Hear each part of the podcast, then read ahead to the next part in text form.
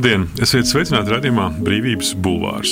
Demokrātija mainās, un arī kara apstākļos ir būtiski saprast, kas tad ir tā demokrātijas kvalitāte, kurā mēs atrodamies, vai un kas būtu saucams par e-demokrātiju. Un, un vai tās ietver arī manipulācijas riskus, un kad tiešās demokrātijas formas šķeļ Un kad vieno sabiedrību mūsu raidījumā saruna ar um, sabiedrības līdzdalības platformas Mana balss vadītāju Imantu Breidaku par politisko līdzdalību. Sveiki! Labdien! Ja mums būtu šobrīd uh, jātaisa demokrātijas audits Latvijā, kurš es saprotu, kādu laiku nav veikts un jāizmēra, kāda ir tā demokrātijas kvalitāte, kāpēc tiem datiem, kuri nonāk līdz jums, kā jūs to mērītu vai kā jūs to diagnosticētu? Ja mēs skatāmies uz Latviju, kaut vai teiksim, 30 gadu rāmī kopš valsts atjaunošanas, tad mums ir sekmīga funkcionējoša parlamentārā demokrātija.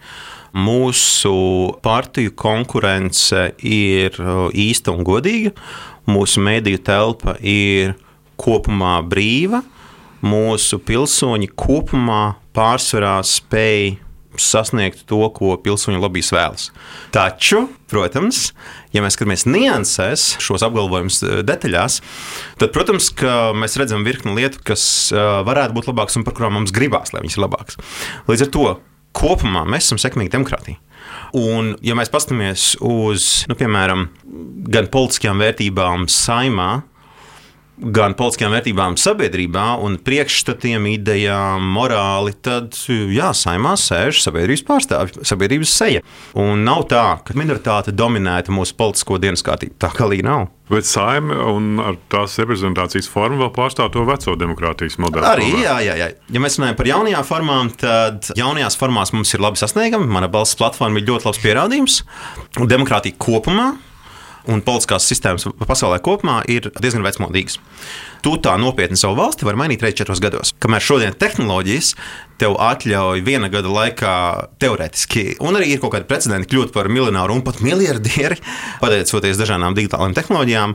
Tu vari nākamā gada laikā bankrotēt, tu vari nākamā gada laikā pat bērnu paspēt iegūt, bet tā, to četru gadu rāmī tu nepaspēsi neko diži mainīt valstī, jo vēlēšana cikls, kas ir uh, savā ziņā pasaulē nostiprinājies 19. gadsimta laikā, respektīvi mums ir virkne formu politiskajā līdzdalībā, kas ir vecmodīgas un lēnākas nekā sabiedrība to šodien gribētu. Varbūt Jauniec... tas nemaz nav slikti, ka tā politiskā pendula attīstās ļoti lēnām, jo, ja mums būtu dažreiz anarhija, otrā gadā monarhija arī nebūtu. Pilnībā piekrītu.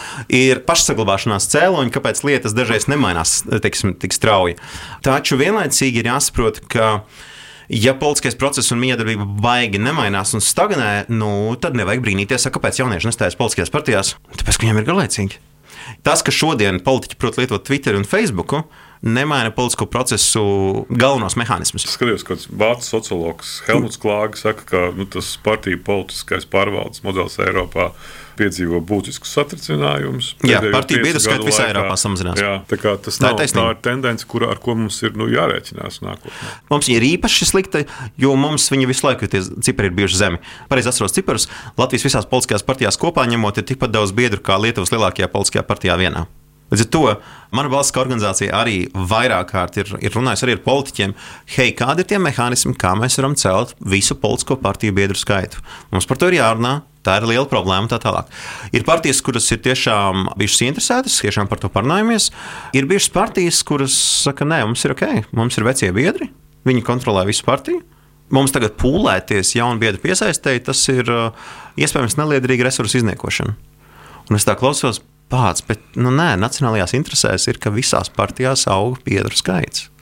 Un, labi, ir partijas, kurām tas interesē, Bet tik un tā rezultāti īsti nav. Kas ir tās tēmu lokus, ko mēs varētu nu, izsvecināt? Kas ir, jo no vienas puses nekvalificēti paskatoties uz to izvirzīto tēmu loku, iezīmējās nu, kaut kāda varbūt sabiedrības arī normalitātes pazīme, ka cilvēks rūp viņu veselības jautājumi, Protams. zāļu pieejamība, kas ir jautājumi, kuri rūp jebkurā sabiedrībā, un tajā ziņā margināls dabas jautājumi nav tie, ar kuriem cilvēki ir gatavi vērsties. No otras puses, nu, tie var arī būt nabadzības diktēti tematika. Jā, nabadzība noteikti Latvijā patiesībā ir problēma, un ienākuma nevienlīdzība ir problēma. Tas, jo viens ka... no populārākajiem ierosinājumiem, kam cilvēku vārds balsis, ir teiksim, nu, bezmaksas zāļu. Jā, jā. Latvija ir sekmīgi privatizējusi lielu daļu savas medicīnas, un mēs redzam tās sekas. Ir virkne politisko reformu, ko 90. gados Latvija izvēlējās atdarināt Ameriku un pat Krieviju ar privatizācijas metodikām, negluži Ziemeļvalstis. Ne Amerika, ne Krievija nav mums nekāds ekonomiskais paraugs, no kura kaut kādas mācības stundas ņemt. Mēs esam pieļāvuši dažādas kļūdas 90. gados, un tie ir daļa no iemesliem, kāpēc mēs atpaliekam no, no Lietuvas un Igaunijas. Bet attiecībā uz tēmām, attiecībā uz manabalsts.cl saturu, tad saturs ir absolūti visdažādākais - sociālai jautājumi, veselības jautājumi, bet arī valsts reformas un nebūšanas administratīvā ekonomiskās pārkārtošanās un tam līdzīgi jautājumi. Tas, kas ir ļoti, ļoti labi, un tas, starp citu, norāda, ka politiskā brieduma kultūra, es domāju, ka Latvijā ir labāka, piemēram, nekā, piemēram, Ukrainā.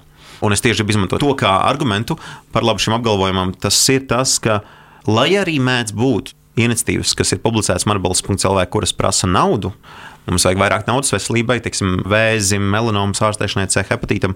Taču tā galīgi nav, ka naudas pieprasīšana dodiet mums atlaides, atlaidiet mums nodokļus, dodiet mums to, dodiet mums, maksājiet mums šito. Nav tā, ka naudas pieprasījuma dominētu. Tā galīgi nav. Līdz ar to sabiedrība, tie autori tomēr saprot arī, ka nu, nu nav tā, ka mēs varam no valsts pieprasīt naudu un viņa visus mūsu prasījumus izpildīs. Tā, tas tā nestrādā. Imants Bedeks ir sabiedrības līdzdalības platformas Mana balss LV vadītājs, studējis vēsturi un savulaik strādājis arī par skolotāju. Viņam ir pieredze dažādu izglītības un vadības konsultācijas projektu vadīšanā. Jau astoņus gadus vada tiešās demokrātijas platforma Mana balss, kuras unikālo lietotāju skaits pārsniedz 400 tūkstošu apmeklētāju. Jūs 18. gadā bijāt nu, samērā neitrāls. Jūs jau izsakāties par digitālām vēlēšanām.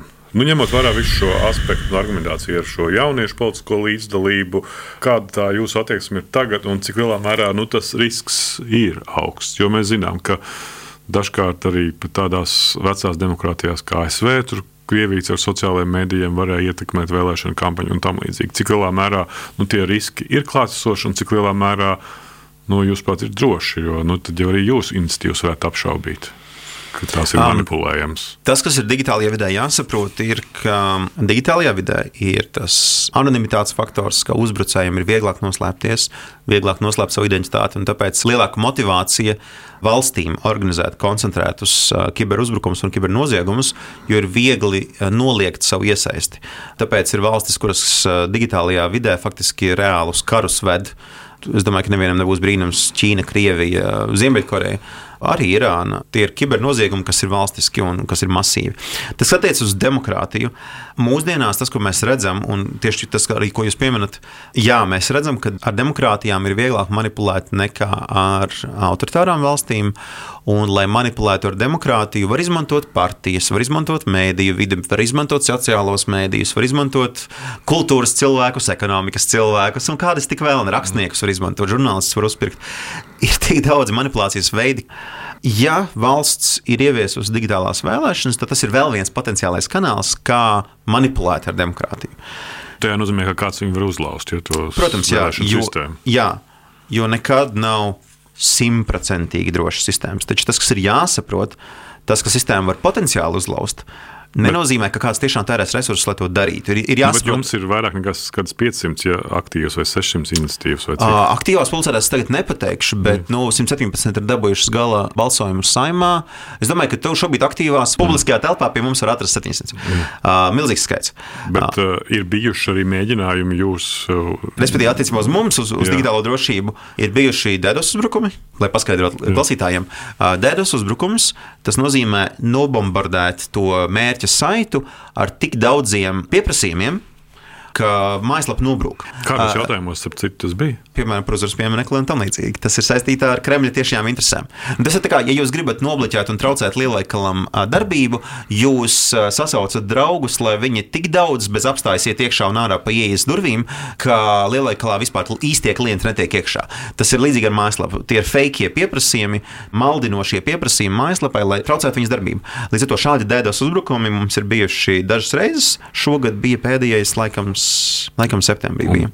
Visi DDoS uzbrukumi ir bijuši par uzvaras pieminekli, par partijām, ah, jā, par to. Uh, Latvijas Krievijas Savienības aizliegšanu. Jā, bija tāda lieta, arī iniciatīva, kura arī izraisīja dēļos uzbrukums. Šogad arī bija vienreiz tā, ka ir tāds jauno fašistu pulciņš, kurš saucas Baltijas antifašisti, respektīvi Kremļa jauno fašistu pulciņš.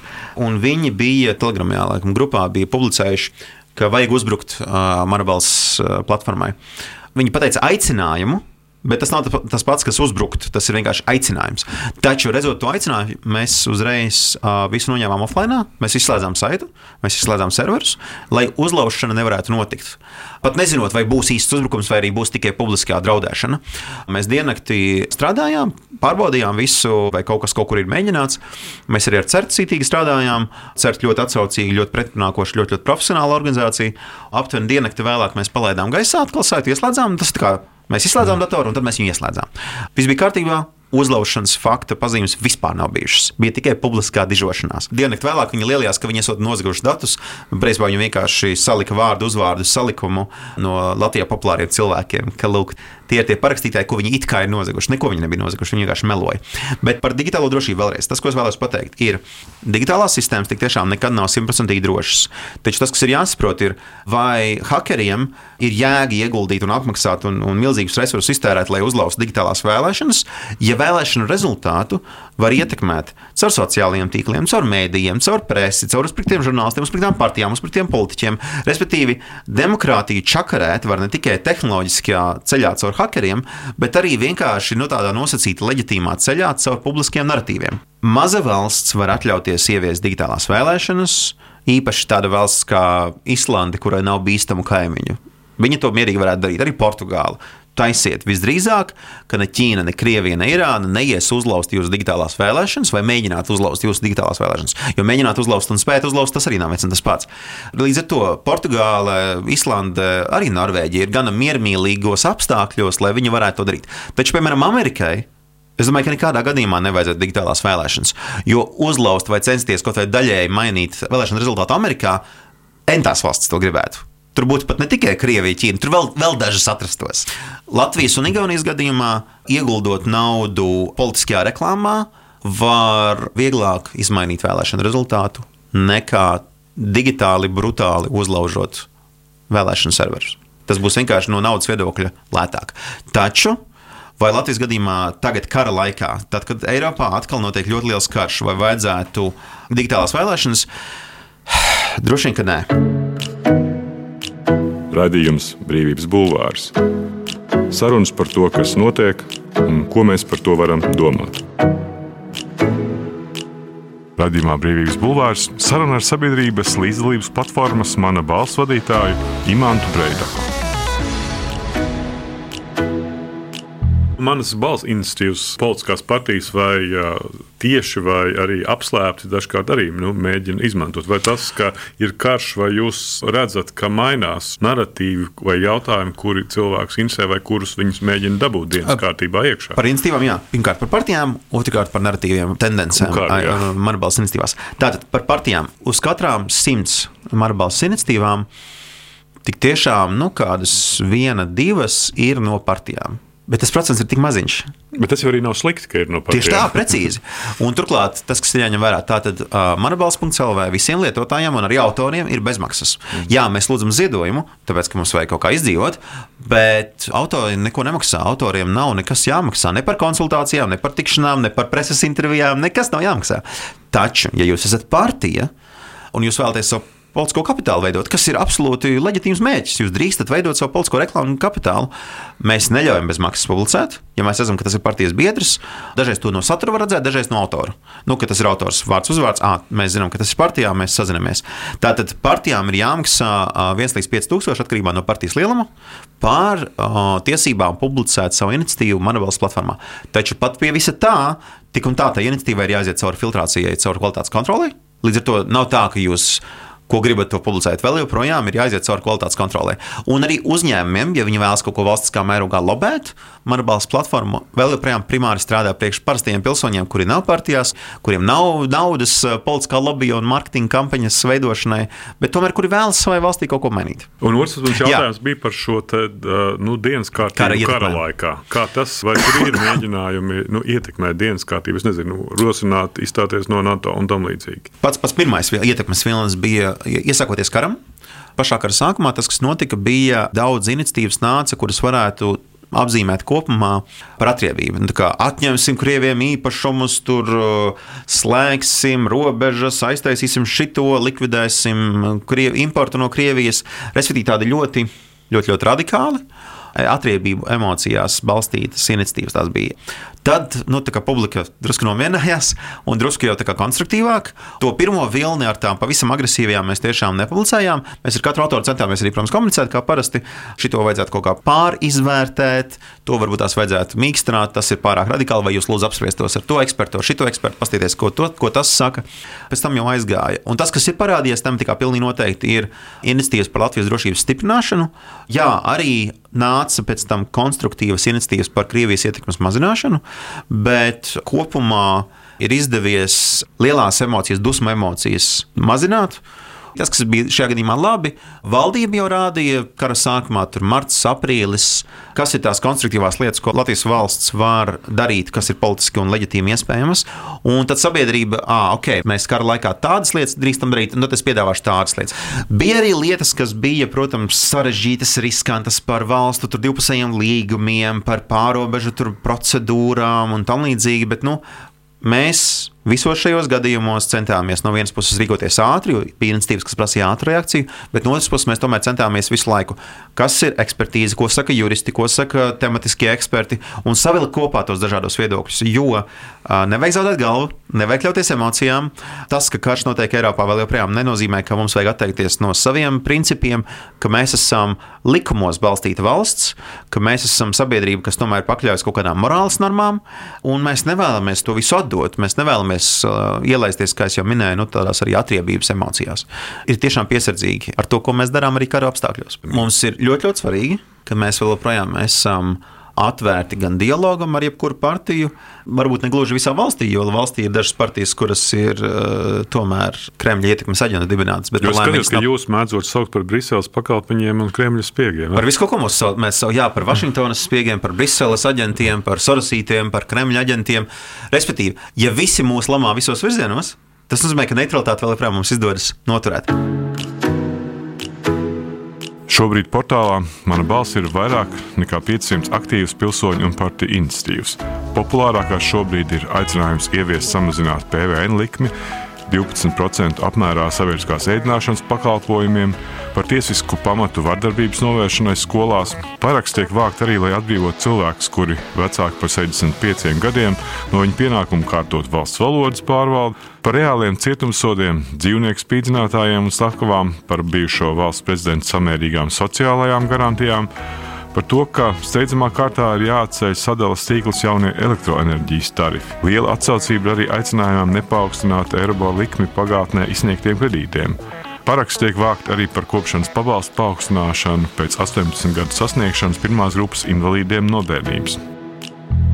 Ja mēs nu, salīdzinām, šobrīd notiek vairāk arī referendumi, kas arī ir tiešās demokrātijas izpausmes forma, līdzīgi kā jūsu iniciatīvas. Un, manuprāt, tur zināmā mērā šobrīd pastāv tomēr risks, ka kampaņas, kas ap to tiek veidotas, nu, arī šķeļ sabiedrību. Jā. Vai, vai jūs to redzat arī, ka jūsu kampaņas, arī jūsu iniciatīvas, kas tiek iesniegtas, nu, pēc tam tiek izmantotas kā Protams. kā kampaņu elements. Vai Jā, ar tiem tas... tiek veidot kampaņa, Protams. varbūt nevienmēr ar mērķi mainīt kaut ko likumdošanā, bet uh, tīri nu, radīt kaut kādu viļņošanos, šķelšanos vai vienošanos sabiedrībā par kaut kādiem jautājumiem. Mēs vēlētos, ka kopumā iniciatīvas ir ar kopējo tendenci pār sabiedrības saliedētības veicināšanu. Taču, diemžēl, realitāte ir tas, ko jūs sakāt, ka ir iniciatīvas un ir politiskie aktieri un partijas un politiķi, kuri virkni iniciatīvu izmanto, lai kurinātu gan sociālo grupu nepatiku savā starpā, sāncensību savā starpā, kultūra karus. Un, jā, diemžēl sanāk, ka mūsu infrastruktūra ir piedalījusies kaut kāda, piemēram, kultūra karu veicināšanā, kurināšanā. Novērst mēs to nevaram tā iemesla dēļ, ka tas ir normāla demokrātijas sastāvdaļa. Ka notiek ideju, negribu teikt sadursme, bet jā, sadursme. Uh, ka diskusijās un arī strīdos tas konsensus kaut kādā veidā top. Tas, ko es gribētu, kas Latvijas sabiedrības politiskajos narratīvos un, un diskusijās notiek, un arī mana balss iniciatīvā, teiksim, kaut kādā veidā kultivētos, viena īpatnība, ko esmu dzirdējis par Šveici, tas ir viena lieta ka kaut kāda grupa, piemēram, kādā, kādā kantonā, Šveicē, nonāk līdz secinājumam, tā.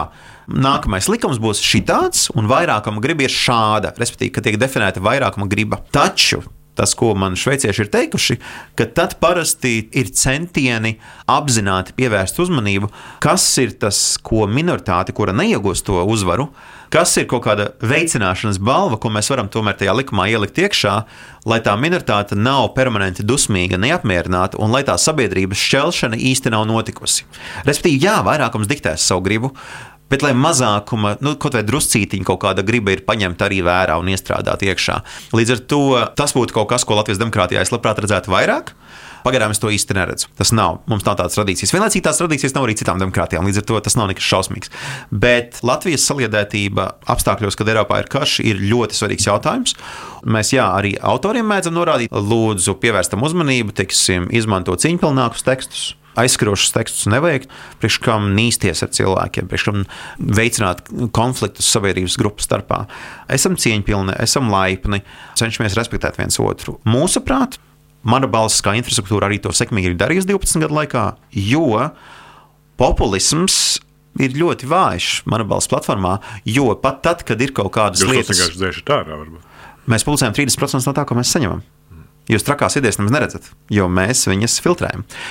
Filtrācijas... Kā jūs kvalificējat eh, traka ideju vai dažreiz trakas idejas? Progresa virzītājs spēks. Filtrācijas noteikumi. Filtrācijas noteikumi ir redzami platformā, viņi ir publiski redzami. Nu, pret satvērsmes kodolu un tieši tā, es skatījos. Tieši tā. Vissvarīgākie punkti tieši tādi ir nekas pret satvērsmes kodolu un nekas nereālistisks.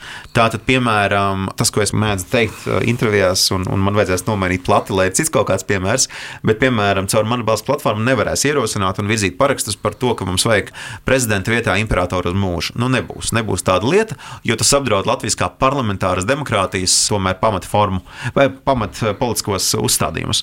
Vienlaicīgi nomainīt himnu, nu, manis pēc labi, tas neapdraud Latvijas valsts iekārtu, tas neapdraud Latvijas valstiskumu. Ja jūs gribat mainīt himnu uz pērkons Daugava saule uz priekšu, tas ir ok. Bet vienlaicīgi lietas, kuras ir nereālistiskas, piemēram, kuras ir ārpus Latvijas valsts budžeta iespējām, tās mēs nepublicēsim, jo atvainojiet, bet viņas nekad nevarēs kļūt par realitāti. Pat ja ideja nav slikta, bet vienkārši viņa nespēs. Visas plašās digitālās demokrātijas demokrātijas jomā tik tiešām pilsoņu iniciatīvas, likumdošanas iniciatīvas, idejas jauniem likumiem. Tas mehānisms Latvijā ir izdevies izcili labs, izcili rezultatīvs. 68 uzvaras no 117, kas ir saņēmušas gala balsojumu saimā, Tas ir fenomenāls. Tas ir visaugstākais rezultātivitātes koeficients pasaulē šāda tipa sistēmai.